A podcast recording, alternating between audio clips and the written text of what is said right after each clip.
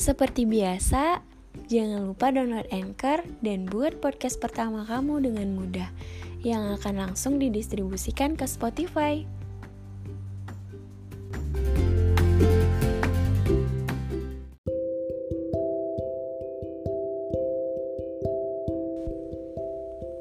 Hari ini kepikiran banyak hal.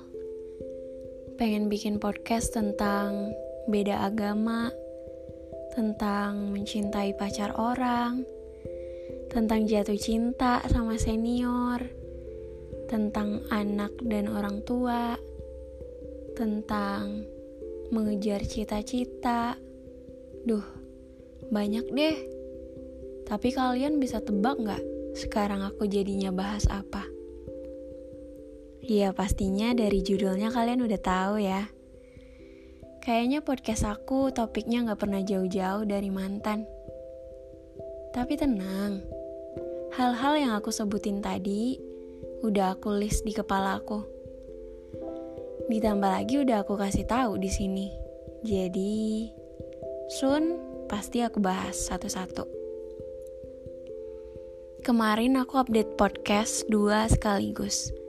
Satu bacain cerita dari bumi alias dari kalian yang ngirim cerita ke DM aku. Satu lagi dari awan, dari aku. Dan kayaknya aku bakal selalu bikin dua kayak gitu tiap update. Biar kalian bisa langsung dengerin keduanya. Jadi nggak nunggu lama. Kenapa aku kasih judul episode ini Sudut Nostalgia? Ya, karena aku mau mengenang seseorang, mengenang sebuah cerita. Cerita yang sebenarnya orangnya masih sama, kayak yang aku ceritain dulu-dulu. Kayaknya ceritanya nggak habis-habis ya. Emang, kalau ceritain dia tuh kayak nggak pernah ada kata habis. Selalu ada yang bisa dikenang dan dijadiin pelajaran tentunya. Bayangin, satu orang bisa ngasih pelajaran segitu banyak di hidup aku. Bisa ngerubah aku 180 derajat dari sebelumnya. Ngebuat aku jadi aku yang sekarang. Bayangin, kalau aku gak pernah ketemu dia, kalian gak akan pernah dengar suara aku kalian gak akan pernah tahu bahwa si awan ini terbentuk dari luka, tangis, kecewa, sedih, marah, begitupun senang, bahagia, dan keindahan yang diciptakan semesta melalui dia. Sebut saja beruang biru. Aku singkat Abi. Jadi dulu setelah putus, aku sempat menghubungi Abi lagi. Aku bingung mau ngechat apa. Karena hari itu tepat tanggal 2 Mei. Dengan randomnya aku, aku mengirim sebuah pesan berisi Selamat Hari Pendidikan. Malu, kesal, sedih, campur aduk banget. Malu karena terlihat sangat bodoh dengan mengirim pesan semacam itu. Kesal karena dia cuma read doang. Dan sedih karena ternyata aku gak sebegitu penting lagi buat dia. Sampai gak ada sedikit pun hati dia tergerak buat jawab pesan aku barang satu kata aja.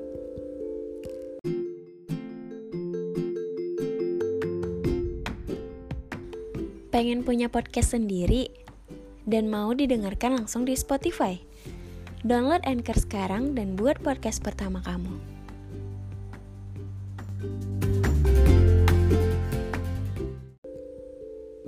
Waktu itu aku berpikir bahwa ya emang aku yang salah. Aku yang salah terlalu mencintai dia. Aku yang salah karena udah berharap lebih sama dia. Dan aku yang dengan bodoh masih berpikir kalau dia bakal balik lagi.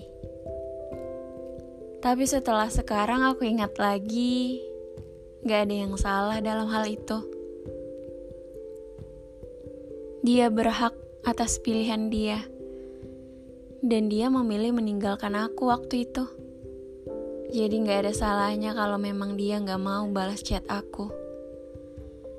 Begitupun aku. Apa yang aku lakuin ya karena waktu itu perasaan aku sama dia masih cukup besar. Aku galau. Aku greget pengen ngehubungin dia lagi. Dan ketika aku melakukan hal itu, itu adalah salah satu langkah yang justru ngebuat aku sadar kalau dia emang bukan buat aku. Jadi kalau kalian ngerasa pengen ngechat dia, ya udah chat aja nggak apa-apa. Apa pun respon dia, terima aja. Pasti sakit sih.